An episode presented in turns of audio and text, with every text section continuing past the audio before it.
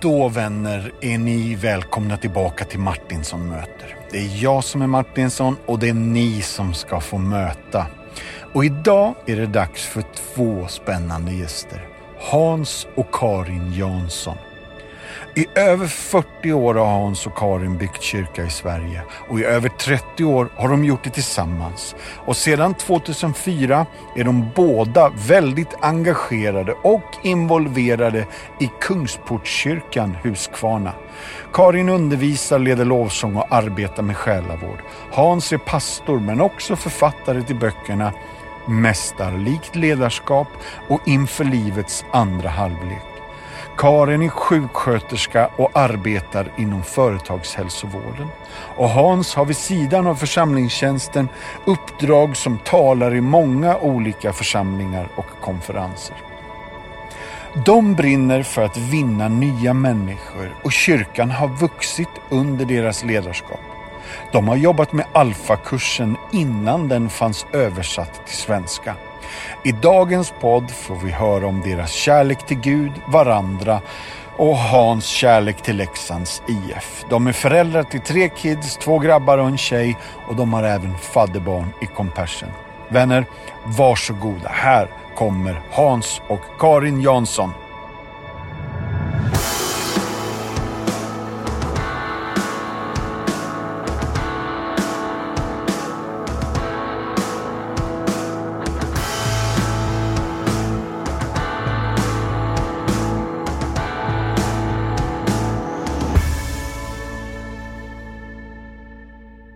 Hörni, vänner. Eh, jag har ju redan hälsat er välkomna, men nu är det dags att hälsa dagens gäster välkomna hit. Och dagens gäster är inga mindre än Karin och Hans Jansson. Välkomna!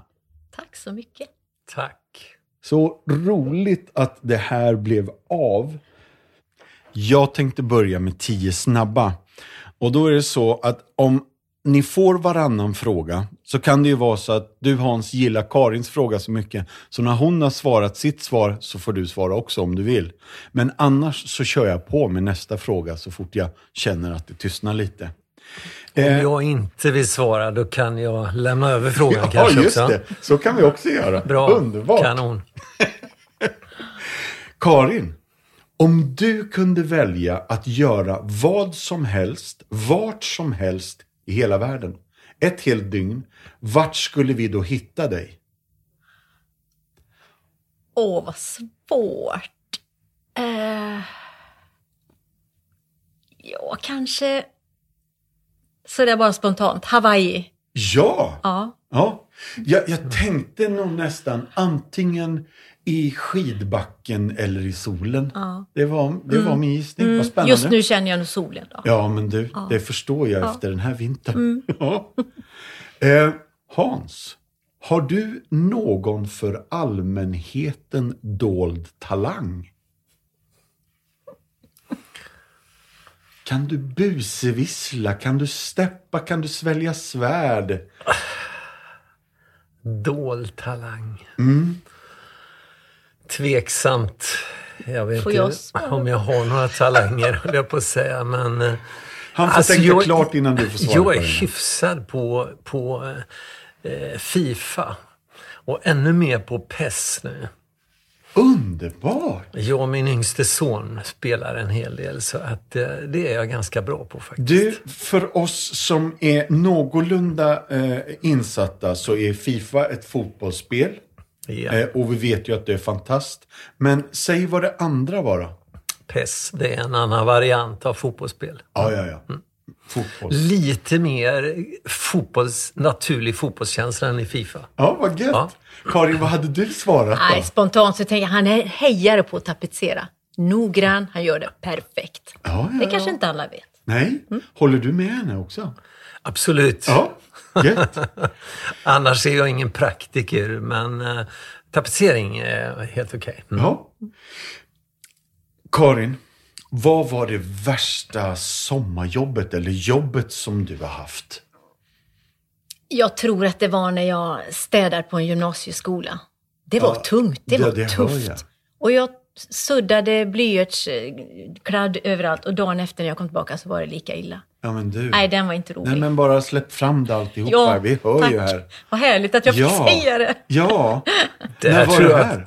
Och du vet, jag var 20 år kanske.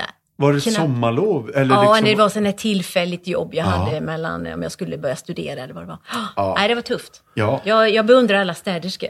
Ja. Ja, det gör jag. Det där, Kudos låter, till alla städerskor. Vad skulle du det säga där Hans? låter, tycker jag, som att du skulle behöva eh, en liten själavårdsbearbetning. Ja. Ja, men frågan var ju så väldigt dramatisk. Jag Ja. tänker du är lika dramatisk Ja. tillbaka. Och Hans, om du omedelbart skulle kunna bli en expert på något, vad skulle det vara? Alltså det skulle vara en fantastisk känsla att vara konsertpianist. Att kunna sitta och spela bara helt sådär. Leka med pianot. Ja. Eh, Det vore fantastiskt. Jättegött. Ja. Men om du skulle vara det, vilken genre skulle det här röra sig i? Är det så här liksom Bach och Schubert och sånt? Eller är det jazz? Alltså jazz är ganska Ja. gott tycker jag. Ja. Gött. Karin, om du kunde gå med i något tidigare eller ett nuvarande popband, vilket gäng hade du valt? Oj, oj, oj. Om ABBA behövde en femte medlem Ja, eller hade. Roxette hade behövt en tredje. Ja, det är också imponerande. Nej, men ABBA var ju de där som man först kanske ändå... Det var ju idolerna. Ja. Ja, varför inte ett femte hjul där? Ja. Ja. ja, det hade varit jättebra. Det kanske varit en, ha- hade varit den sammanhållande länken. Ja, det kanske fortfarande funnits ABBA Ja. då. Tänk om vi Abba. kunde göra om historien här alltså. Kabba. Kabba tycker jag hade varit bättre än ABBA. Ja! Kabba. Det är jättebra, här har vi det ju. Ja. Hans, har du något favoritminne från barndomen eller från tonåren som du kan dela med oss? Ja, alltså det finns ju många. Eh, som eh, sportnörd så... Eh, eh, alltså det är klart, det jag, när jag vann min första tävling i längdhopp. Ja, men Eh, du. Jag är faktiskt distrikt, skoldistriktsmästare i längdhopp. En av mina hemliga Ja, det här Eh, fanns inte med i min research. förut. Eh, eller när jag avgjorde en eh, enda gången jag inte har spelat forward i, i, i eh, för jag är alltid sån där som, som spelar forward i, alla sporter. Eh, men jag spelade höger halv som det kallades på den tiden i en match i skollaget. Och eh, fick ändå avgöra den matchen, gjorde 4-3 strax innan domaren skulle blåsa av. Det var ju en höjdare. Då gick jag väl i femman tror jag, något sånt. Ja.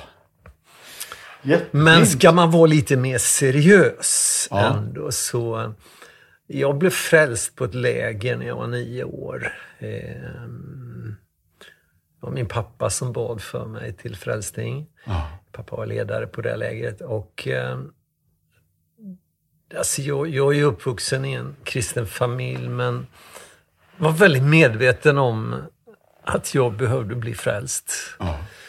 Eh, och hade väl inte så mycket med mig i bagaget kan man väl säga. Nej. Men, men eh, jag minns känslan efteråt. Det var som att man skulle kunna flyga. Mm. Alltså det var en sån lätthet. Det kändes som jag hade minskat halva min vikt ungefär. Ja. Eh, det där glömmer jag aldrig. Mm. Just den känslan. Och då var jag nio år. Ja, vad fint. Då ska vi se, vad var nästa fråga då? Karin, med den livserfarenhet som du har nu, vilket råd skulle du ge ditt 18-åriga jag? Åh, det är en fråga det du. Ja. Jag har faktiskt tänkt på den. Jag tror jag tänkte på den lite extra när jag såg att eh, eh, Lina Nilsson, Ja. Nilsson hade gett ut den här boken om vad skulle, hur hon skulle hon skulle säga till sig själv när hon var ung. Jag tycker den var intressant. Ehm, Nej, men jag skulle nog eh, sagt till mig själv att eh, var inte för snabb i dina beslut. Nej? Eh, du har hela livet på dig. Ta ett steg tillbaka. Ja, och vänta lite. just det. För jag har nog varit den där som har rusat in i saker och slått huvudet i väggen lite för mycket. Samtidigt har jag lärt mig en hel del på det. Ja, ja. Men... Eh, nej, det hade jag nog gett som råd. Jättefint. Hans, kan du minnas den första konserten du var på? Och sen som en följdfråga, den största konserten, men kanske inte i publikmängd utan stor i en musikalisk upplevelse? Alltså första konserten. Eh, jag är inte säker på om det var den första konserten men eh, alltså jag kommer ju nästan från stenålder så nu blir det ju, nu blir det ju liksom eh, gamla saker här. Va? Men eh, mina första eh, idoler var nog egentligen en grupp som hette Segerkvartetten. Det här är ju bra, Bara alltså. namnet. Vet du. Eh, och jag vet att jag, jag, Jag hörde dem. att säga, kids, nu får ni googla mig. Nu är frågan om ni hittar Segerkvartetten på nätet. det är tveksamt. Eh, jag vet att jag var på en konsert i Karlstad som de hade i en, en kyrka där i Karlstad. Eh, det är nog den första konserten jag minns i varje fall. Det är jättegött. Sen var den största Ja. musikupplevelsen. Ehm,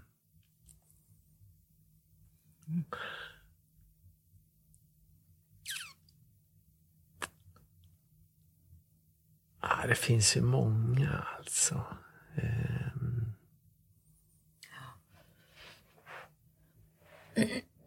Ja. Per-Erik är ju en, en eh, tänk som vi, ja men är som en god vän till oss, men som också vi beundrar som, som den artist han är och den Jesusälskare han är. Så det vet jag många gånger vi har sagt när vi har varit och lyssnat på honom att vilka texter, vilken förkunnelse och, och väldigt mycket alltså. Ja, jag tycker det har jag upplevt många gånger. Det vet jag vi har sagt till varandra när vi har Han var ju med och sjöng på vårt bröllop också, vilket Ja, var det. Mm. en fantastisk upplevelse. Och eh, vi reste tillsammans lite grann, hade någonting som vi kallade för en annorlunda kväll med Per-Erik Hallin och Hans Jansson. Där han sjöng och eh, visade bilder. Han är en jätteduktig fotograf också. Eh, och sen så hade jag lite korta inlägg mellan hans låtar. Eh, det var jättespännande. Jag minns ett tillfälle, han var här i, på Kungsporten och hade en konsert och jag minns en sång som berörde mig otroligt djupt. Han sjöng en, eh, en julsalm som Bellman hade satt text till. Och eh, den sticket i den, den sången var men korset stod redan nära krubban. Oj. Ja, det var en otroligt stark text. Ja. Eh, och när jag sa till Per-Erik, det var ganska intressant också, jag sa det till Per-Erik efteråt, vilken sång. Ja, berättade han, det var, det var en präst som kom och stack till mig den här texten och sa det här är en, en julsalm av, av, som Bellman har skrivit. Du kanske har musik till den här. Eh, för jag sa först, det, det, hördes ju att det var Bellman också. Ja, men det är inte Bellman som har skrivit musiken, sa han. Därför att prästen sa så här till mig. Och min första reaktion var, jag kan inte skriva musik till, till Bellman. Men så tänkte jag, prästen sa ju, du kanske har musik till den här. Och då började jag fundera och kom på att jag hade skrivit en, en, eh, ett instrumentalt stycke eh, för många, många år sedan, sa Per-Erik. Ja. Som jag började tänka, tänk om jag skulle kunna använda det. Så jag plockade fram det, sa han. Och jag behövde inte ändra på någonting.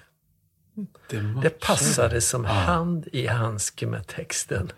Så, så det prästen sa, du kanske har musik till den här, den här texten, det var ju så profetiskt. Underbart. Eh, och det visar också Guds otroliga förmåga att leda saker och ting. Ja. Eh, det var en fantastisk upplevelse just den sången. Jag, jag har aldrig hört Per-Erik sjunga den annars, men Nej, precis. Jag igen. den var, Nej, det var- makalös. Åh, vad spännande. Ja. Vad gött. Karin, har det någonsin hänt dig något som du inte har kunnat förklara? Och som du fortfarande kanske inte kan förklara? Som ett under, ett tecken eller ett mirakel? Ja, det har jag gjort. Är så? Många gånger. Ja. Många gånger. Men jag ska berätta en gång det som var så fantastiskt, för det fanns så många bottnar i det. Men det var så här att jag, jag har ju alltid älskat att röra på mig, springa, hoppa, dansa. Har ju varit rätt så aktiv här i friskvården också under många år. Och så var det en sommar och jag hade varit igång och sprungit en hel del. Och sen var vi igång och renoverade lite där hemma, så det blev rätt så mycket stå upp och ner på ett stegar, vilket gjorde att mitt ena knä pajade och blev rätt så svullet. Och eh, ja, men jag hade ont i det. Jag insåg väl att det var överansträngt och så.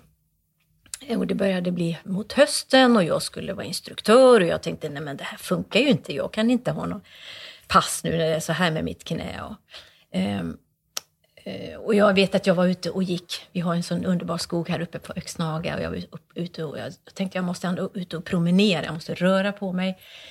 Och så gick jag en sen sommardag i, i skogen och eh, ja, tänkte jag måste ändå ut och röra på mig. Och så började jag att be, eh, som jag brukar göra när jag är ute i skogen.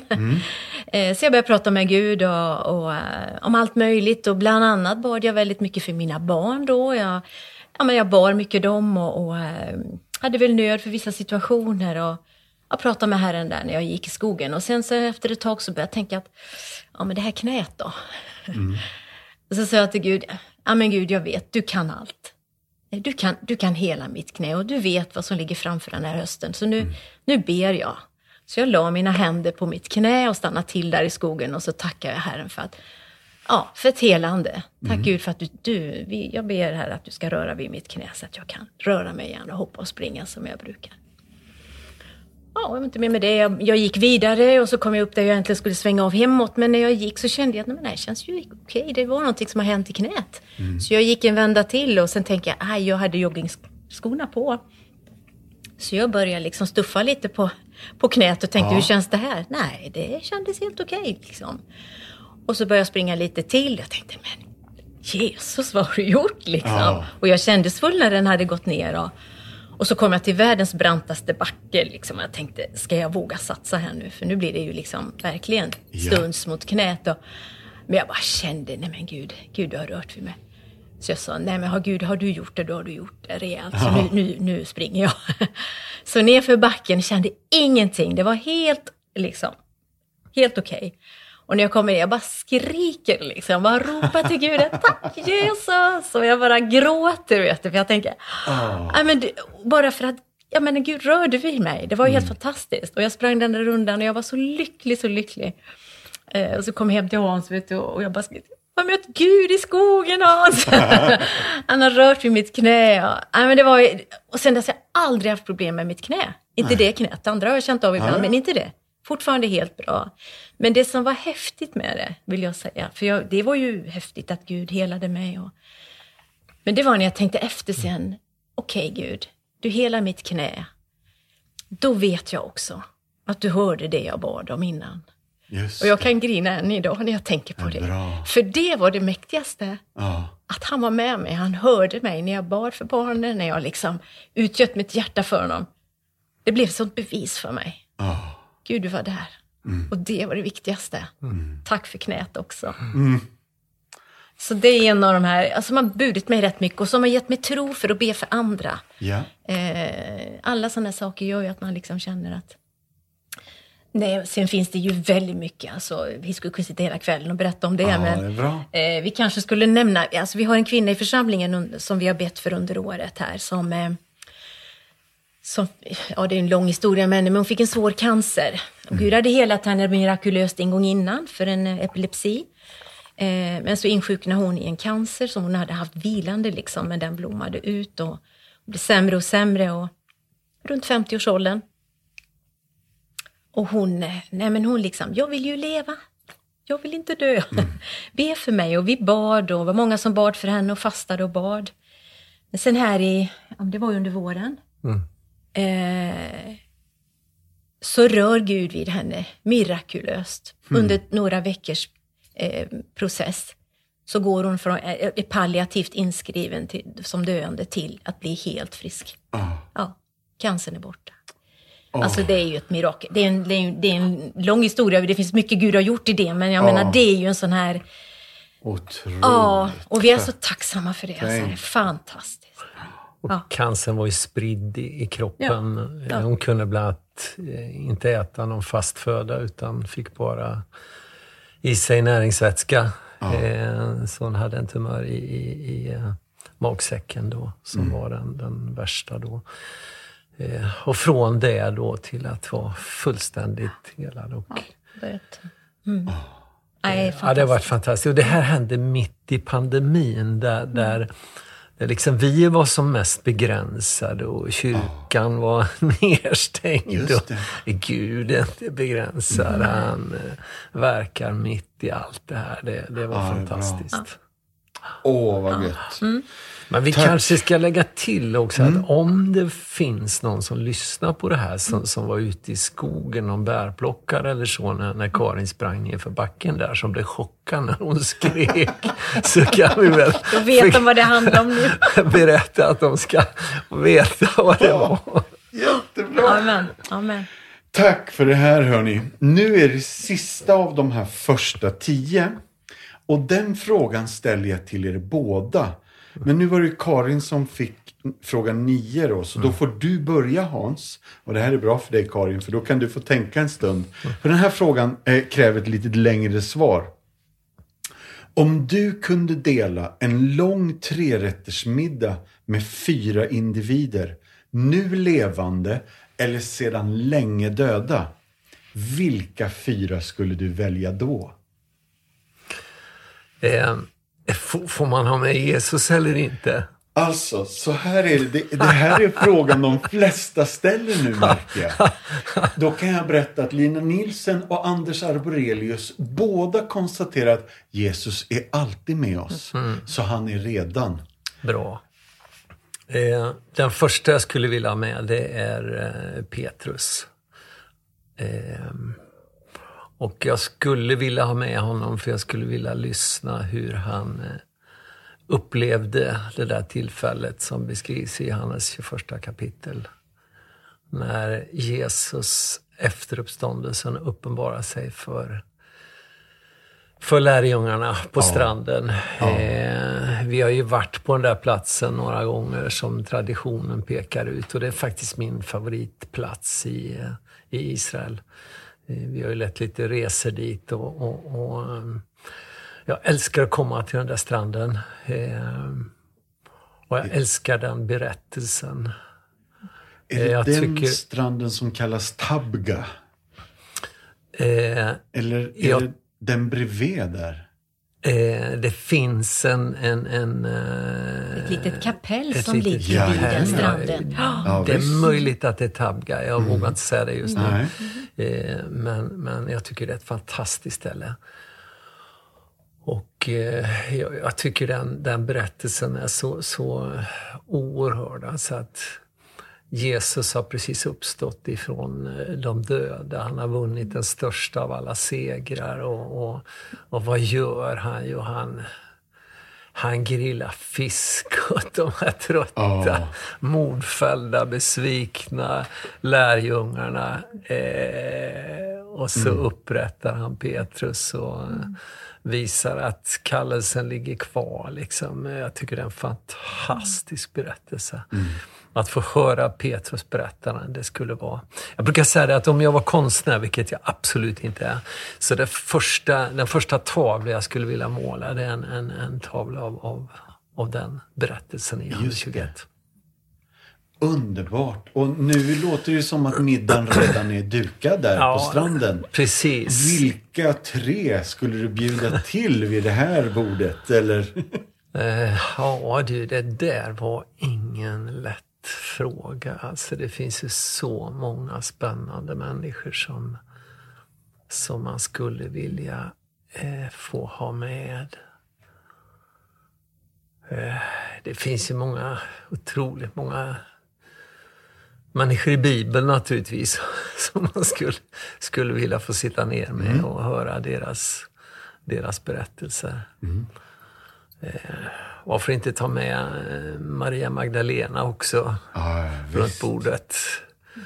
Eh, höra hennes ögonvittnes skildring ah. av när hon står och gråter där vid graven och tror att det är trädgårdsmästaren. Och så hör hon sitt namn. Mm. Många män hade sagt hennes namn, men ingen hade sagt det som han. Mm. Med sån respekt, sån värdighet och så mycket kärlek. Mm. Så när han säger Maria, då, då bara vet hon vem det är. Det är inte trädgårdsmästaren. Det är han som, som har gett henne hopp och liv. Mm. Ehm, höra hennes berättelse, det vore häftigt naturligtvis. Oh. Men vilka mer skulle vi ha med? Vi måste ju ha några levande personer också. Eller historiska personer ja. i varje fall. Eh, nej, men Martin Luther skulle naturligtvis vara väldigt intressant att höra hans berättelse eh, om reformationen och ja. att eh, stå ganska ensam mot världen. Mm. Eh, stå för sin övertygelse i en situation där man eh, har nästan alla mot sig. Ja. Eh, det skulle vara oerhört intressant att, att höra hans berättelse. Eh, eh, och varför inte då också få med Martin Luther King? Ja. Det kunde vara en spännande en, kvartett. Det är ett riktigt få... spännande bord det här alltså. Absolut. Mm. Verkligen. Tack. Ja, det var spännande att höra. Nu Karin, nu är det din tur. Ja. Nej, men det är två namn som jag kanske tänker, jag, jag tänker mycket så här att jag, jag kan sakna ibland, nu är jag ju själv, börjar ju bli lite äldre, men jag kan sakna kvinnor som, eh, som har gått före. Mm. Som jag skulle vilja ta rygg på eller på något vis eh, få smittas av. Eh, och den första jag tänker på är ju, är ju Moder Teresa. Ja. Um, Alltså denna lilla kvinna som gör sådana dåd. Mm. Bland de fattigaste, bland de fattigaste. Mm. Eh, och håller ut. Står kvar. Mm. Och jag vet att jag har hört någon gång att hon Nej, men hon fightades ju rätt mycket alltså med sin egen tro och ja. sin egen överlåtelse. Eller ja, överlåtelse var ju inga problem, men, men just det här, vi är ju mycket i att vi ska känna och vi ska uppleva. Och vad jag förstod så, hon gav sitt löfte och hon gav det liksom. Ja. Hon gav sig i det. Men hon mm. hade rätt mycket kamp i det här. Liksom, mm. att ibland tyckte hon att Gud var långt borta och sådär. Men stod ändå kvar. Och, eh, men det skulle vara fantastiskt intressant att ha henne vid bordet. Och på något vis skulle man ju också vilja veta vad hände den där dagen när du tog ditt sista andetag. Just det. Vad sa Jesus till dig? Ja. Wow. Mm. Om man fick vara med, ha med den också skulle det vara fantastiskt. Ja, visst. Sen tycker jag ju det skulle vara riktigt spännande att få träffa Catherine Kuhlman. Ja. Eh, jag har ju tittat lite på henne på tuben nu, det är ju gamla ja, klipp ja, som är liksom lite suddiga. Och hon är ju så dramatisk, hon ja. är ju, men vilken power! Ja. Och vilka under och vilka tecken hon fick se. Och profetisk kvinna, hon är väldigt speciell. Ja. Men det fanns ju ingen jantelag över henne. Liksom. Hon var den hon var. Hon, hon klädde sig i det hon ville klä sig i. Ja. Jag vet inte om du sett henne, men jo. det är, liksom, det är volangklänningar. Mm. Och det, aj, det är så speciellt. Ja. Aj, spännande. Henne skulle jag också faktiskt gärna vilja ha med där. Ja. Här får kidsen googla. Så det här är För fullt. Gör det hörni. 60 och 70-talet. Ja. ja, visst. Mm. Nej, men så tänker jag ju... Åh andra kvinnor som jag eh, gärna lyssnar på idag då, det är ju nej men en som jag har fascinerats mycket av då som Eftersom jag själv är pastorsfru och jag tänker liksom, ja men det, det där är ju en strong woman, alltså det är ju hon Bobby Houston, jag tycker om henne. Ja, eh, alltså. Jag, jag, jag har varit iväg en del på de här eh, deras Color Conference, det är kvinnokonferens, det är Ja. stora konferenser nere i, i London med och hon går liksom i, i strumpelästen på scenen och är precis som hon är i sitt vardagsrum och pratar Ja. med alla dessa kvinnor. Eh, så naturlig, så härlig. Och jag förstår, hon har ju också en resa som de har Mm. gått. Nej men det skulle vara lite spännande att få sitta Ja. ner med henne verkligen. Bobby Houston heter hon va? Bobby Houston. Gift det är med ju, Brian som Ja, precis. Hillsong Hillsong. Är ju- Ja, Mm. sådana senior pastors där då. Mm. Ja, Du har en kvar. jag har ju en kvar. Ja. Det är ju helt fantastiskt. Och det är så fint också att i coronatider så kan era bord sitta tillsammans. Ja. De blir inte för många. Nej, nej precis. Mm. Eh, fantastiskt. Nej, men nu är vi ju bara kvinnor och, och eh, hade vi tagit in en man här kanske han har känt sig lite eh, vid sidan om så att det får bli en kvinna Mhm. Ja, till. kör. Ehm, och ja, lovsång och tillbedjan har också funnits mycket i mitt liv. Och, ehm, så ja, vi får gå på lite på Hillsong igen då, men då tänker jag på Darlene. Charlene Check. Ja, Ja, ja, visst. hon är ju lite i min ålder. Ja, kanske hon är. Eh, ja, det, hon kanske är nog lite yngre, Ja. men vi är någonstans där. Nej, men hon är ju också en kvinna som har stått kvar i sin tjänst. Ja. Och, ehm, all, all cred och all respekt för alla unga lovsångsledare och, Ja. som kommer. Men jag tycker det är lite vackert när vi får vara i alla åldrar. Ja, och hon står kvar och hon är ju väldigt kreativ också. Mm. Trots då det hon har gått igenom. Mm. Ehm, nej, men hon får vara med också. Jättegött. Vilket gäng. Ja, vilket... Ja, Ja, det var ju drömmen. Det är spännande att sätta ihop era bord. Då, alltså. Ja, precis. Då skulle Ja. vi kunna få något slags... Men alltså den där kommer ju att ta flera dagar. Det räcker inte med en trerätters. Ja, ni får, ni får hyra in er alltså. Ja. Det blir jättespännande. Ja. Det blir en hel säsong. Ja. Jag, jag ska testa en grej, får vi se om det här flyger. Jag har ingen aning om det funkar. Och jag tänker inte berätta vem upphovsmannen är till det här, utan ni får gissa lite grann. Vem har sagt följande? Livet är som en påse, tomt och innehållslö- innehållslöst om man inte fyller det med något. Ja, det är ju Hasse Alfredson. Tage Danielsson tänkte jag säga. Ja! Ja. Men det... Och Hans, du tog det direkt. Eh, kan du säga mig varför också? Ja, det är ju en monolog som han hade som heter Pastor Jansson. Ja. Eh, alltså jag får ju väldigt ofta höra det. Det, det, är ju, det, det roliga är ju liksom att folk kommer fortfarande fram och liksom tror att de är de första som har kommit på Ja! eh, den här kopplingen. Men, men så är det ju. Det var en väldigt kul monolog som han hade. Verkligen. Eh, En utmanande monolog också. Absolut, Ja. absolut. Och med en del spännande bilder. Ja. Jag har inte använt dem precis. Men Nej, gör inte det. nej. Hörni, nu då kommer lite datum. Hans, vad hände den 22 januari 1955? Ja, då föddes jag. Var? Jag föddes på, eh, i Lindesberg. Eh, min pappa var pastor i en liten församling i ett litet samhälle som heter Järnbås. Ja.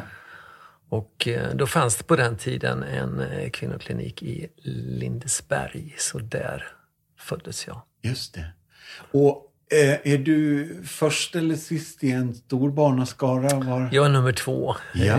Min syster är tre år äldre än mig. Ja, just det. Och hur länge blev det den här eh, centralorten?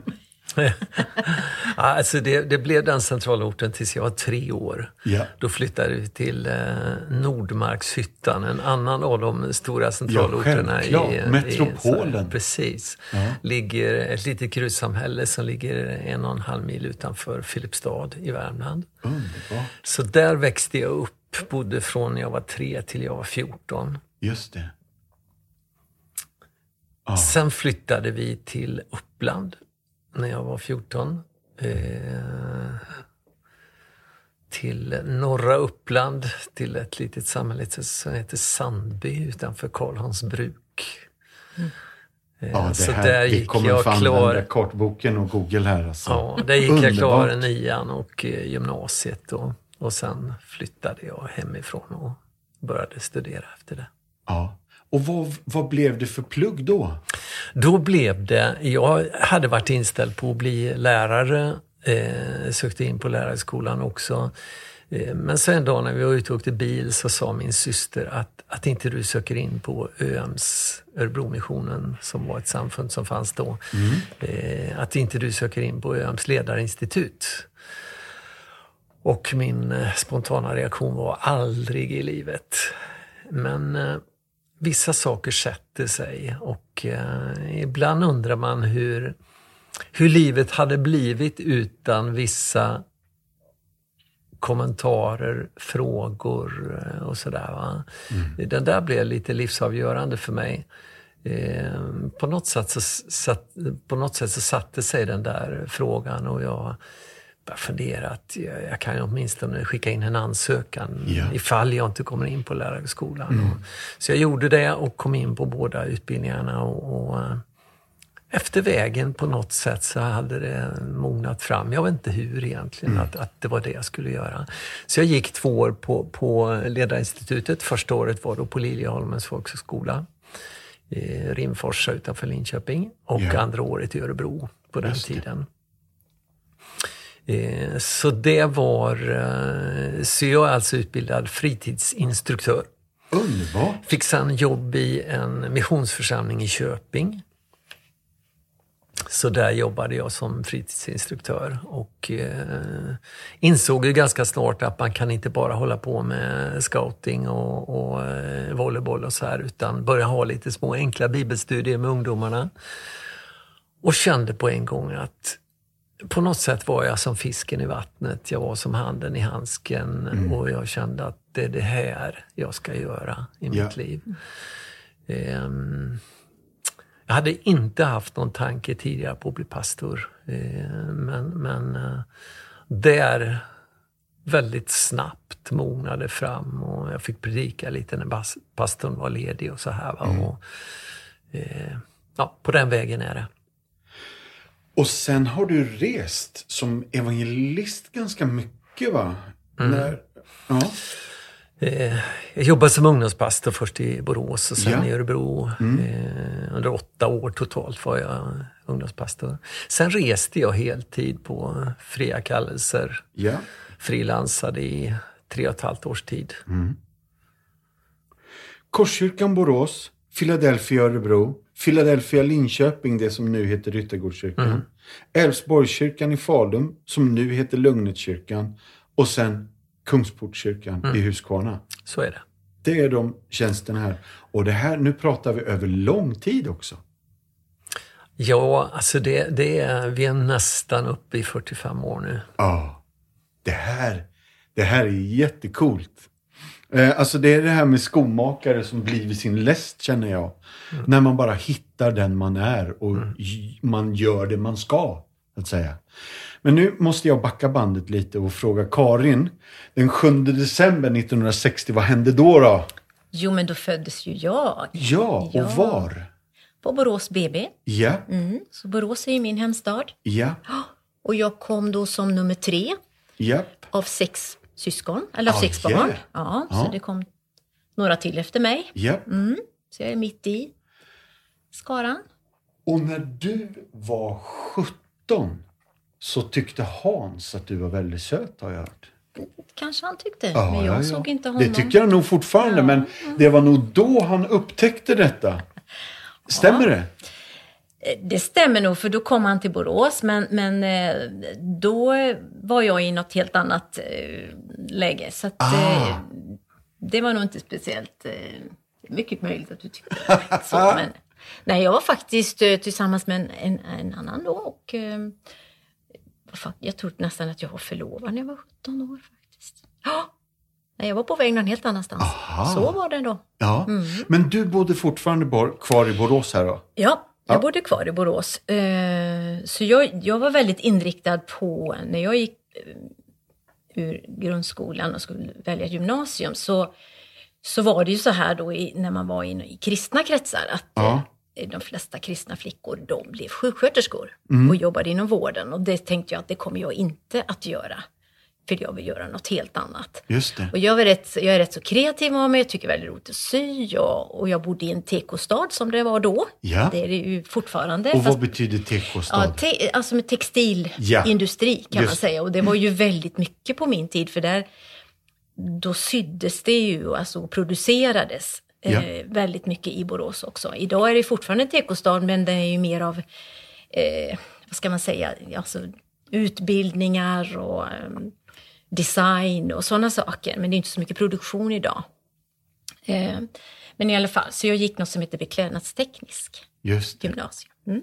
Och lärde mig då sy framförallt herrkläder, så jag tänkte jag skulle bli skräddare. Det var Ja. min lilla vision.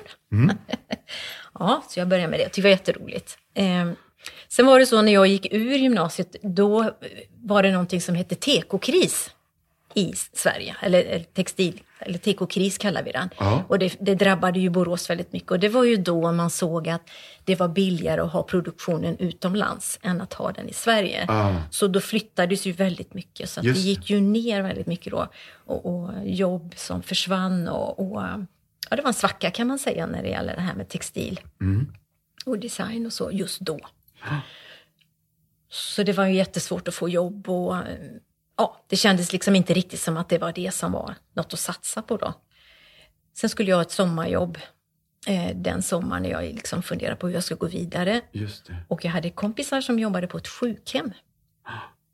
Och de sa, men Karin, du kan väl jobba med oss på sjukhemmet under sommaren, det blir väl jättebra. Ja, Ja. Det lät ju kul liksom, att hänga med dem. Men det var ju inte liksom det jag ville göra egentligen. Men första dagen jag sätter på mig de här kläderna, jag kliver in på en avdelning och möter de här människorna där, så bara känner wow! Ja. Nej, men det här är ju hemma. Så det var lite samma känsla som Hans fick när han Ja. började med sina bibelstudier. Att jag, Och jag såg undersköterskorna som kom med sina vagnar där och stack och la sma- smarriga sår och så här. Yes, det vill jag göra. Eh, Men framför allt det här, eh, alltså möta människor på det sättet och, och känna liksom, eh, man connecta och man kunde ge någonting och man kunde vara med och liksom, ja men förmedla någonting till de här människorna som man vårdade då. Och då var ju ett sjukhem, det finns ju inte idag sjukhem på det sättet, man var ju väldigt svårt sjuka äldre människor som inte kunde klara sig hemma. Många av dem eh, har ju hemtjänst och hemsjukvård idag. Men nej, det var... Det kastade om hela min värld och jag tänker att det där var ju Gud i det. In med Karin där så kommer hon förstå vad hon ska göra. Ja. så då fick jag ju liksom ödmjuka mig och tänka, ja men det är ju det här. Så jag började på eh, vårdlinjen strax efter där sen då så sökte jag in på... Så jag gick om... kvar i Borås? Jag är fortfarande kvar i Borås. Jajamän. Så jag, då gick jag både vårdlinjen, som det hette då, eh, till undersköterska och sen fortsatte jag in på sjuksköterskeprogrammet direkt efter det. Så Ja. jag var väl 25-26 när jag var färdigutbildad då. Ah. Ja. Eh, och jag var fortfarande kvar i Borås då. Eh, om, om vi ska komma tillbaka till det här med Hans då, Ja. så, så var han ju ungdomsledare hos oss från eh, nu ska vi- 77 till 77 80. till 80. Ja. Ja. Eh, och precis i slutet där, eh, alltså under min gymnasietid, så tog det slut då med den andra eh, förhållandet som, som egentligen, ja, nej men det var inte herren i det, så det var liksom Eh, Så precis innan han skulle flytta så, så började vi att vara tillsammans lite grann och sådär. Va? Eh, det. Ja, det blev, någonting hände där liksom. Men jag kände då att nej men jag, eh, där är jag, jag är inte redo där. Nej. För jag var fortfarande lite sårad av det jag hade gått igenom och jag kände att jag, nej, jag, var- jag var inte hel liksom. Det var inte alls eh, tid för Just ett det. förhållande där. Så att vi, vi gjorde faktiskt slut när Hans reste då till Örebro. Så att, sen var vi vänner, men vi var inte tillsammans då. Eh, och sen utbildade jag mig och sen när jag då gick ut sjuksköterskeskolan så eh, ja, men då fick jag faktiskt förfrågan att, att resa i någonting som heter lovsångsteam Ja. tillsammans med min svåger, Hans Marklund. Ja. För då reste han ju som eh, riksevangelist i Missionsförbundet, som det heter då, Ekumenia idag. Mm. Så då gjorde jag det. Och det fanns ju även ett annat team som hette Team Vänner. Jajamän. Ja, vi hette Team Frihet. Ja. ja det var ju poppis då. Ja. Så där reste jag med honom i tre år, jag och, och två till. Just det. Och sen på helgen, eller då när man var hemma och var ledig, då jobbade jag timanställd som sjuksköterska. Så jag kunde ju ändå få ut- använda det också då. Men framförallt var det ju teamet då, under tre år. Just det. Mm. Tills jag var, var det 88 någonstans där? Som vi strålade samman Ja. eh, på en konferens Hans och jag, ja. Precis, det i hände, Örebro. det hände ju då, det var ju under min tid som, som jag reste också heltid. Och, eh, då var det ju så att eh, Hans och jag fick ju en del gemensamma kallelser. Och då pratar vi Hans Marklund. Hans Marklund, ja, som, som Karin reste med. Just det. Eh, Så att eh, vi hade en del liksom, sammanhang dit vi kom och, och undervisade tillsammans. Så därför träffades vi ibland. Eh, Och då var det en, vid ett tillfälle vi var kallade till Philadelphia i Örebro. Örebro, ja. Precis. Eh, och jag menar, vi var goda vänner Hans och jag, men eh, det är klart att jag började känna att nu kanske det är dags att eh, Stadga sig. Ja, stadga sig, Ja, som det ja. heter. Ja. Nej, men det är klart att man längtar efter en relation och så. Ja. Jag förstod att jag kan ju inte resa i ett lovsångsteam hela livet. Någonstans så, så var det väl dags för något annat. Liksom. Men, men då vet jag när vi, när vi stod i lovsången, eh, jag och Monica, eller Litta då, som hon hette, och du vet, det, det välde fram folk till förbön och du vet, det var ju den här underbara, goa Ja. lov, ja, men Guds närvaron och människor mötte Gud där. Och, och så kikade jag ner där på den här, lov, eller den här böneraden där och där står Hans, min, Hans Jansson då, min, min Hans. Ja. Nej men liksom och ber för folk och du vet det händer grejer där och, och vi är i det här. Så tänker jag, men Ja, men han är fin, killen. Nej, men då, då tändes det någonting Ja. igen, ett, ett, att jag vågade tro på det. Liksom. Det. Och jag menar, vi hade ju haft liksom ändå en... Eh, det började ju någonstans där ändå, Ja. när jag var 20, men, men det var inte moget då. Men då började jag känna liksom att, är det det här du menar Gud? Är det Ja. det här du vill? Och så vågade jag liksom närma mig det. Mm. Eh, och sen tog det inte så lång tid förrän vi, vi eh, faktiskt, jag friade. Så var det ja. Det står faktiskt i mina anteckningar Mm. Så också. var det, så var det. Jag var faktiskt nere i Borås, det var eh, strax efter Strax det här efter då, det. och Mm. hade två veckor i uh, mötesserie i Korskyrkan i Borås. Och då var du, första veckan där var, Var var. Mm. du ledig. Ja. Eh, så då träffades vi en del och sista kvällen, söndagskvällen när jag skulle åka hem så stod vi och pratade utanför bilen länge och så till slut sa jag någonting om att ja, nu gäller det att hålla sig vaken på vägen hem till Örebro så jag får stanna och fika någonstans eller så. Och Då tog du chansen och sa, men du kan komma hem till mig och fika. Ja, precis. Och, eh, mm. Och på den vägen är det. Ja. och då frågade Karin då hemma Frede till mig och eh, då sa jag ungefär så här då att eh, vi får, vi får be över det här. Ja. Med ett stort, stort leende på läpparna. ja.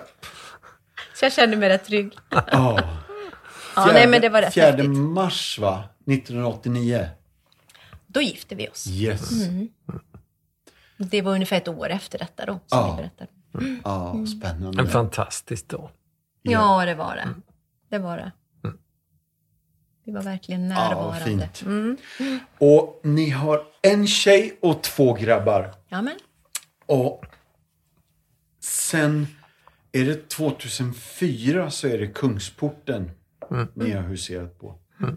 Det är en lång tid och det är, jag är så glad för pastorspar som överlåter sig över tid och tjänar samma plats. Tror det finns en otrolig kraft i att long term gör, gör nytta liksom. tror att vattnet urholkar stenen, att jobba på en ort och skapa trygghet och trofasthet och förtroende över tid. Där. Alltså jag brukar säga att ska man, ska man bygga någonting, ska man skapa någonting, eh, så, så måste man jobba länge. Ja. Eh, därför att det tar tid att bygga förtroende. Och förtroende är det enda du har som eh, verktyg, som Ja. ledare. Eh, och utan förtroende kan du inte... Alltså du, du kan inte göra något. Du kan inte skapa något. Nej. Eh, så, så, det gäller att tänka lång tid om man ska eh, få något gjort. Ja. Sen kan det finnas saker som gör att, att det inte funkar och så, men, men eh, vi, vi har alldeles för korta perioder. Ja. Jag är helt enig med er här. Ja, jag ska testa att säga ett ord och sen får ni bara prata fritt om det. Ehm, ordet är väldigt klassiskt och det är alfa. Okej, Ja, spännande. Alltså alfa har ju betytt jättemycket eh, för oss kan man ju säga. Eh, jag fick tag i, i alfa-konceptet när vi eh, bodde i Falun. Eh, ja, bakgrunden var lite så här att vi hade haft eh, ganska tidigt efter det att vi flyttade upp dit så var det en ganska stor grupp i församlingen som valde att lämna församlingen och starta en ny församling. Eh, De hade drömt om det här under lång tid. Den processen var på gång redan när vi kom upp dit och, och, och det blev så. Eh, vilket naturligtvis, naturligtvis var en tuff process. ja. Eh, Men hur som helst så, så var det ju de som lämnade var de här brinnande människorna, evangelisterna, evangelisttyperna, de här som älskar och liksom stå på torget och vittna för människor. Just. Eh, och eh, då blev ju frågeställningen, hur, hur evangeliserar man utan evangelister? Hur når man ut utan de här typiska evangelisterna? Eh, och så fick vi tag på det här materialet och jag började läsa om det och kände att det här är ju ett kanonbra material. Det här skulle kunna vara något. Så vi... Eh, Jag jag, tror Hans att du översatte.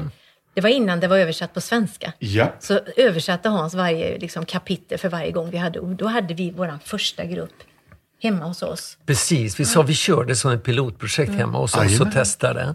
Så vi hade eh, en kvinna till som ledare då från församlingen, så vi var tre ledare och så fick vi fyra stycken som ville gå, eh, om jag minns rätt. Och eh, en av dem kom till tro under den eh, kursen.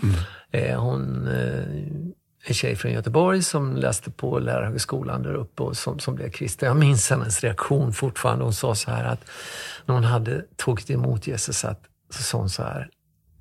Jag skulle vilja sätta upp eh, affischer i hela stan där det står Det är inte som du tror. För hon upplevde att, att hon hade haft så mycket fördomar om det här med den kristna tron och kände att det var så annorlunda än vad hon hade trott.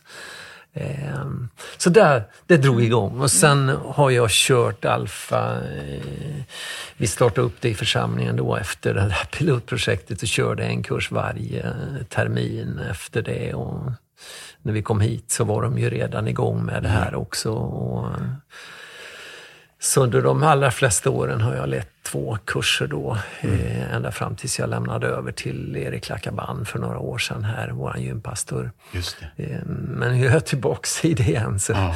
vi, vi får se. Sen eh, sitter jag med nu också i Alfa Sveriges styrelse.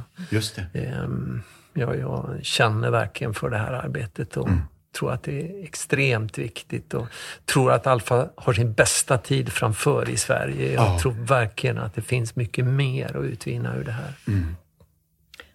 Jag har ju en fantastisk story också när det gäller Alfa. För att eh, eh, när vi kom hit och så, så började jag ju på ett nytt arbete och där fick jag en väldigt god vän som, och vi började umgås. Och, och, eh, vi hade barn i samma ålder och ja, men vi pratade väldigt mycket och hon var väldigt orolig för dem till exempel. och så, där. så att, eh, Jag vet att vi, eller för sina barn då, så, så eh, vet, vi pratar mycket om att eh, Nej, men jag ber för mina barn, så jag. Det är så härligt att känna liksom, att jag vet att Gud ser dem och Gud är med dem. När inte jag kan vara där så kan Gud vara där. Så jag, jag ber mycket för dem. Jag sa sådär lite spontant till henne. Ehm, efter ett tag så kom hon och frågade, du Karin, eh, tror du jag också skulle kunna be för min Markus? Eh, jag, jag är ju inte direkt kristen, men tror du att... Absolut, så jag. Det är allas, eh, allas möjlighet. Allas du, det möjlighet är perfekt. Ja, Ja, men vet Gud är med din pojk liksom. Ja, men vad bra. Och så hade vi liksom så här underbara konversationer och jag frimodig med henne. Och sen kom det till en punkt, eh, vi var på någon kick-off och så upplevde jag, eh, nej men jag fick något tilltal till henne från Herren, liksom, att, att, att hon var så älskad av Gud och, och att han, ja, han älskade henne och, och såg henne och sådär. Och hon blev så berörd och så sa hon, Karin, du det där med alfa som du har pratat om, ska vi gå det nu? Mm. Liksom. Då, var, då var hon där liksom. Sen gick vi två omgångar, två, för att hon missade rätt mycket den första, så gick vi två omgångar tillsammans. Och bland de sista gångerna så, nej, så då, då satt vi i den här gruppen och så sa hon, nej hörni, jag är alltid så illa feg, men nu får det vara slut med det. Ja. Jag vill ta emot Jesus, sa hon. Nu ber ni för mig. Karin, kan inte du be för mig? Så jag fick be för min arbetskamrat här och det var en alfakväll ah. här i kyrkan. Oh, så fint. helt underbart. Så jag fick en ny syster i Herren där. Så vi är väl ah. bästa vänner idag. Ja, så det var en sån här eh, ljuvlig upplevelse. Verkligen. Mm. Mm. Tack för att du delar. Mm. Hörni friends, eh, jag har nog bara ett ord kvar och sen tänkte jag bara ta några minuter och berätta lite om compassion. Och det sista ordet, alltså jag, jag, jag gissar redan svaret eh, och eh, jag säger inte vem frågan går till, men jag säger bara Leksands IF. Är det någon av er som känner sig eh, skyldig eller vill ta ansvar för det här? Alltså, jag står ju gärna upp för Leksands IF. Ja. Jag är ju en passionerad Leksands-fan. Um, så är det. Jag har alltid hållit på Leksand. Jag vet inte varför. Eh, mina föräldrar kom från Dalarna, det kanske spelade in. Men jag tror att det är så enkel förklaring som att när jag började bli idrottsintresserad mm. eh, så var Leksand bästa laget i Sverige. Om man ville hålla på de som var bäst. Mm. Jag tror det är samma anledning till att jag eh, alltid har hållit på IFK Norrköping i fotboll. Ja. Eh, men Leksand är ju, det är ju, det är kult alltså. Det är fantastiskt. Det är hur roligt som helst. Jag följer alla deras matcher och, och tyvärr får jag inte se dem live nu. Eh, det som är kul också är att min, min eh, min, eh, våran mellangrabb då, Simon, han är också en passionerad Leksandsfan. Så vi eh, stöttar varandra i detta och eh, åker runt och kollar på matcher och ja. har tröjorna på oss och står och hejar och jublar. Leksand, alltså det, det finns ju nästan ingen i Sverige som inte håller på Leksand. Och det är ju naturligt och självklart egentligen, men, men eh, jag, jag, tror att det handlar väldigt mycket om att alla gillar när den lilla grabben slår den stora. Eh, David slår Goliat. Eh, ett litet samhälle som, som eh, år efter år lyckas yeah. ha ett sånt här lag. Och i år ser det ju riktigt bra ut. Mm. Och då är det så tragiskt att det inte får vara någon publik och tittare. Ja, ja, men, Men jag kan kom... säga Hans sitter på läktaren faktiskt. Ja. ja Hans, eller Simon köpte en sån här liten Pappfigur. pappgubbe med pappa Hans på. I julklapp. Så, så, titta riktigt noga om ni tittar på matchen så kanske ni ser Hans där. Zlatan finns också med Zlatan på pappfigur där vet jag. Och Stefan Löfven och även Moras tränare. Där sitter ni på läktaren. Det här är ju fantastiskt bra. Hans, jag vill dra mig till minnes att ni har varit och kollat på en Sverigematch i mm. typ Ryssland. Ja, alltså det var en av de eh, roligare grejerna vi har gjort. Eh, jag och grabbarna ihop 2018 eh, så så jag hade lovat grabbarna att vi skulle åka och se på en uh, fotbollsmatch i England. Mm. Vi har inte varit där något. Eh, och sen då när vi pratar om vart ska vi åka så, så säger vår yngste kille då, Jakob, han säger att eh, men vi håller ju på olika lag. Ska vi inte åka och se någon match där vi håller på samma lag? Mm. Ja, det ligger ju något i det. Liksom. Vad ska vi åka och se då? då? Ska vi åka och se på Sverige? I... Ska vi åka och se på dem i VM? Så då valde vi att åka till Jekaterinburg, långt bortom all ära och kredbarhet. Ja.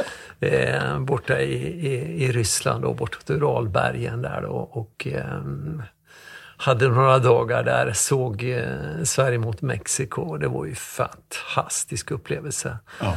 Eh, Sverige slog ju Mexiko med 3-0 och Ja. eh, det roliga var ju att i, alldeles i slutet av matchen så exploderade hela arenan. Det var så mycket mexikaner där. Eh, ett antal tusen svenskar men mängder av mexikaner och plötsligt så kastar alla mexikaner det de har i sina muggar, öl, Coca-Cola, vad det är. Alla slänger det rakt upp i luften och så bryter jublet loss. Eh, trots att Mexiko låg under med 3-0. Därför att då såg de på sina mobiler att Korea hade besegrat Tyskland. Vilket innebar att, att både Sverige och Mexiko gick vidare. Ja. Så efter matchen står svenska och mexikanska fans utanför arenan och hoppar och, och sjunger tillsammans Deutschland auf Wiedersehen.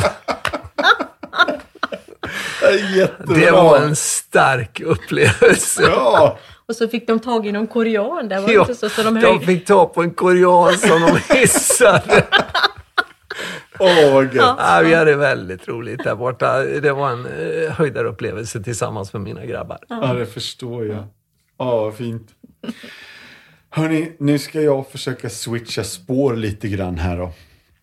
Jag tänkte läsa en berättelse eh, om Compassions arbete i fält. Och när den är klar så bara bollar vi lite tankarna. Hur ser det ut på Kungsporten med fattigdomsbekämpning och hur ska vi tänka i de här stora frågorna sådär. Katastrofhjälp räddar liv i Colombia. Gud har kallat oss att tjäna vårt samhälle. När vi ser människor i nöd måste vi gå till handling. Vi har alla något att ge, säger Davis, som är chef på Abels Compassions Center. Sedan slutet av oktober 2020 har Colombia drabbats hårt av kraftiga stormar och stora regn. För första gången i historien nådde en orkan i kategori 5 de colombianska öarna. Barn och familjer tvingades söka tillflykt på sina hustak. Många familjer förlorade sina ägodelar. Funcación är en av de drabbade kommunerna på karibiska kusten. På grund av de kraftiga regnen har floden San Sebastian brutit sina banker två gånger och påverkat många barn från ABLs Compassion Center. Tusentals människor från de omkringliggande byarna är berörda. Projektledaren Davis kommer ihåg att han rusade till centret mitt i natten, tre på morgonen, för att försöka rädda egendomen från alla översvämningarna. Under de närmaste dagarna rapporterar föräldrar och familjer att deras hem har blivit översvämmade. Centrets personal besöker familj efter familj för att förstå den totala situationen.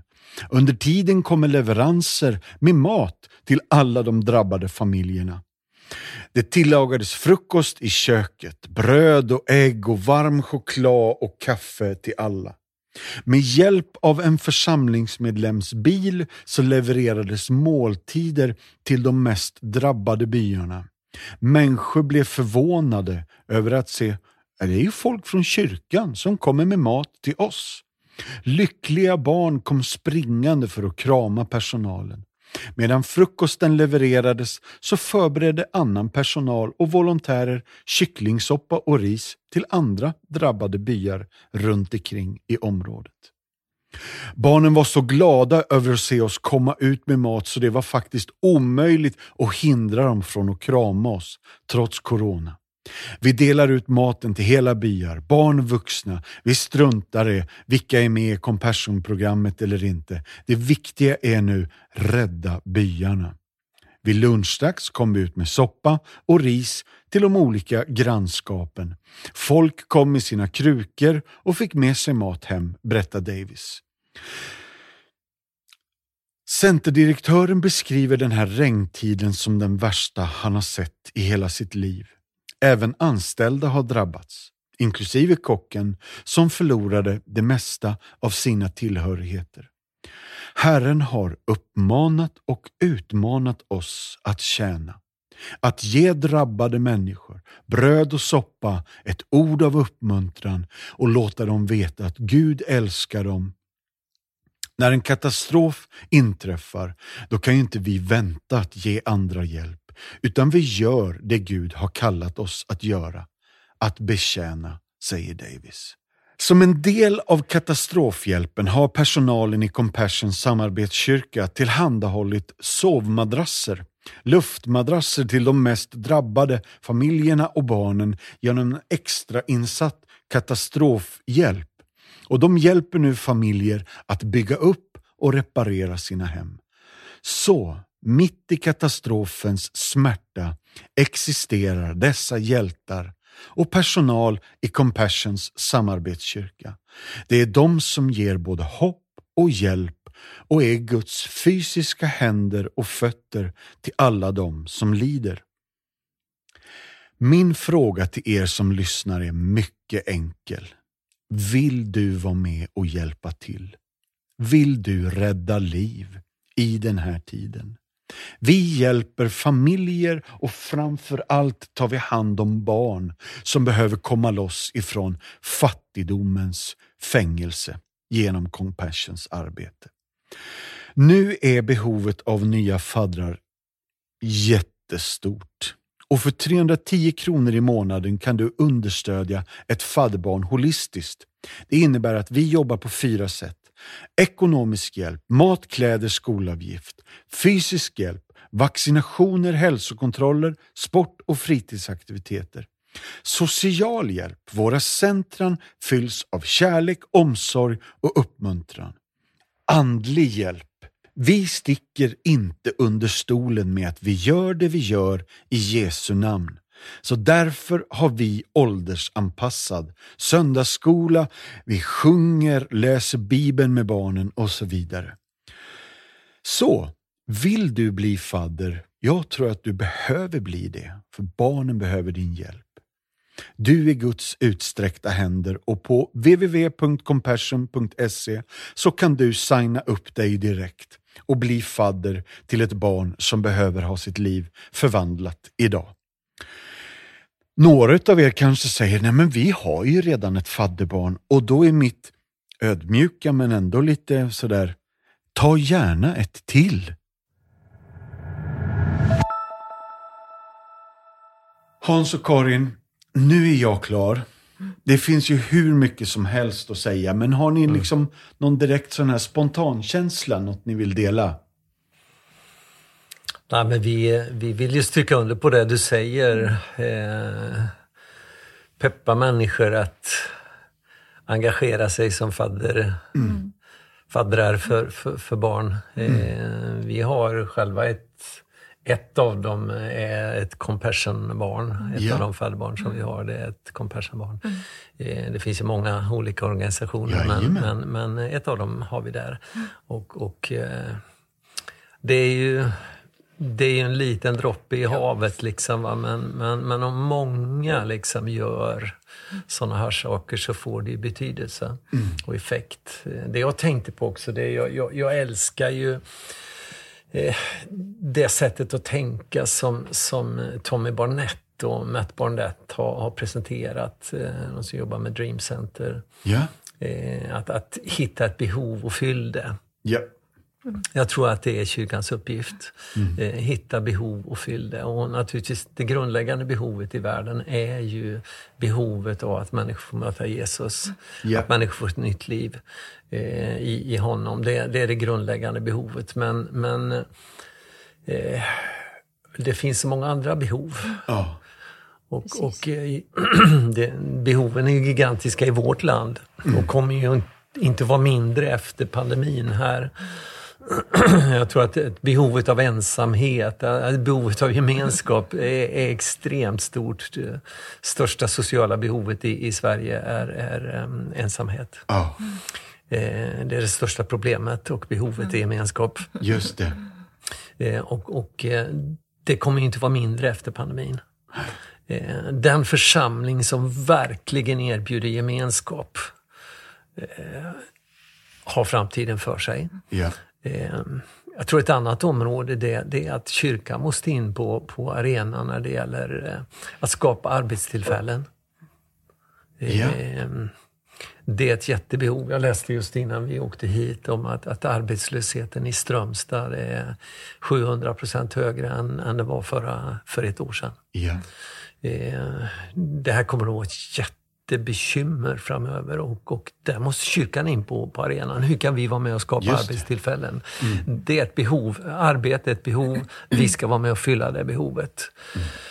Eh, och, och, ehm, men sen är det ju viktigt att se, även om, om, om vi ser att det finns en massa behov i Sverige, så är ju är behoven i andra delar av världen enormt mycket större. Och vi måste engagera oss utanför det här landet. Vi kan inte bara tänka på det som sker i vårt land. Nej. Vi måste engagera oss i, i, i världen i stort. Ja. Eh, och naturligtvis, där behoven är som störst, där borde vi göra som mest egentligen. Ja. För du, du sa ju det här, inledde med det här med en droppe i havet. Att, att vi upplever ibland att det lilla vi gör är så lite. Men det lilla vi gör är ju faktiskt ett liv som förvandlas. Exakt. Och det är så vi måste Ja. se det faktiskt. För annars så fastnar vi vid det där att det, det är så oändligt stort och behoven är så stora. Och så blir vi lite handlingsförlamade istället för att vi låter oss utmanas av det. Precis. Sådär. Vad hette eran... Ni har en, po- en liten pojke va? Felix? Kevin. Nej, Kevin var Kevin det. heter han. Kevin. Ja, en liten fotbollskille. Ja. Ja. Nej, men det, det vi, jag vet inte hur länge vi har haft honom. Men jag, jag har en aning om om det inte är Colombia han kommer ifrån. Ah. Någon av de länderna där. Just det. Precis. Nej, men vi brukar brevväxla. Jag brukar Ah. skicka lite klistermärken och lite kort på oss ibland. Och, Ah. Så att det, jag ber för honom. Jag menar, kortet finns i köket. Det liksom Ah. finns där. Sen har vi en liten kille i, eller vi har haft många, men just nu har vi en kille i Filippinerna också som vi, som vi understöder då.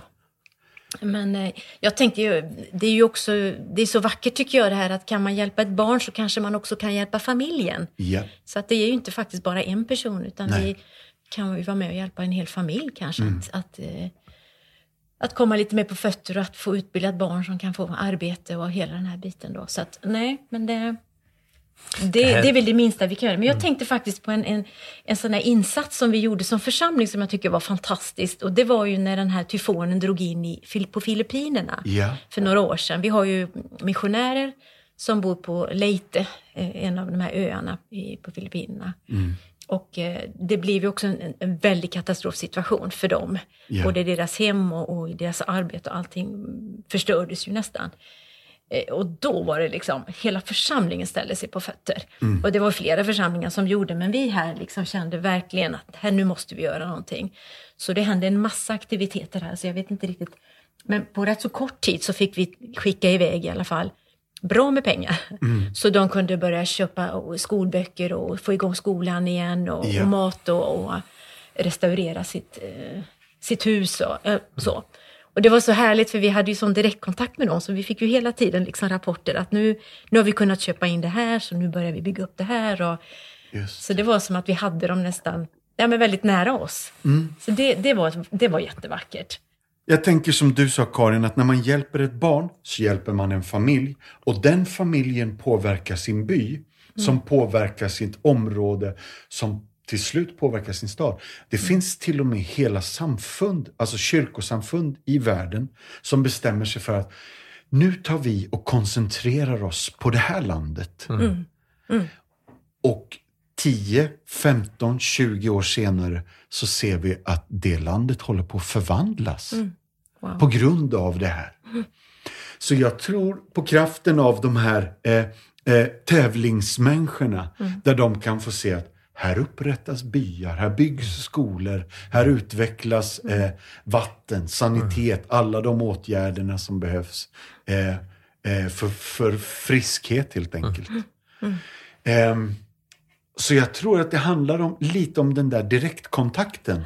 Som Den ni kände är när era missionärer kommer hem och berättar. Här ser ni bilderna. Det här är vad ni gjorde. Och det är väl vad man känner. Vad hette eran kille? Inte Kevin. Kevin, ja. Ja. Att, hans liv förvandlas liksom. Successivt så ser man den här förändringen, förbättringen och förstärkningen. Sådär. Hörni friends, jag vill säga tack snälla ni för allt ni har gjort och allt ni gör. För den här församlingen, Kungsportkyrkan, men också för Huskvarna Jönköping, regionen och också nationellt. Alltså, vi har ju inte ens touchat vid dina böcker Hans. Mästerligt ledarskap och Mästarlikt ledarskap. mästerlikt ledarskap. Och livets andra Inför halvlek. livets andra halvlek. Ja. Det här får ju folk kolla in. Men allt det, där, allt det där finns också på show notes.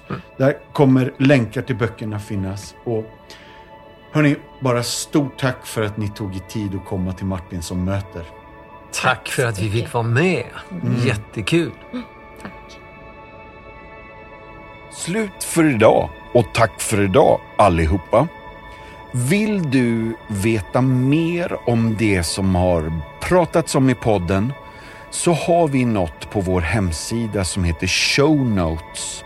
Där kan du se alla länkar till sånt vi pratar om när vi refererar till en film eller en bok eller en sång. Då finns de länkarna där, så gå in på compassion.se så hittar du helt enkelt massa extra material. Tack, ha det bra, bye bye, hej då!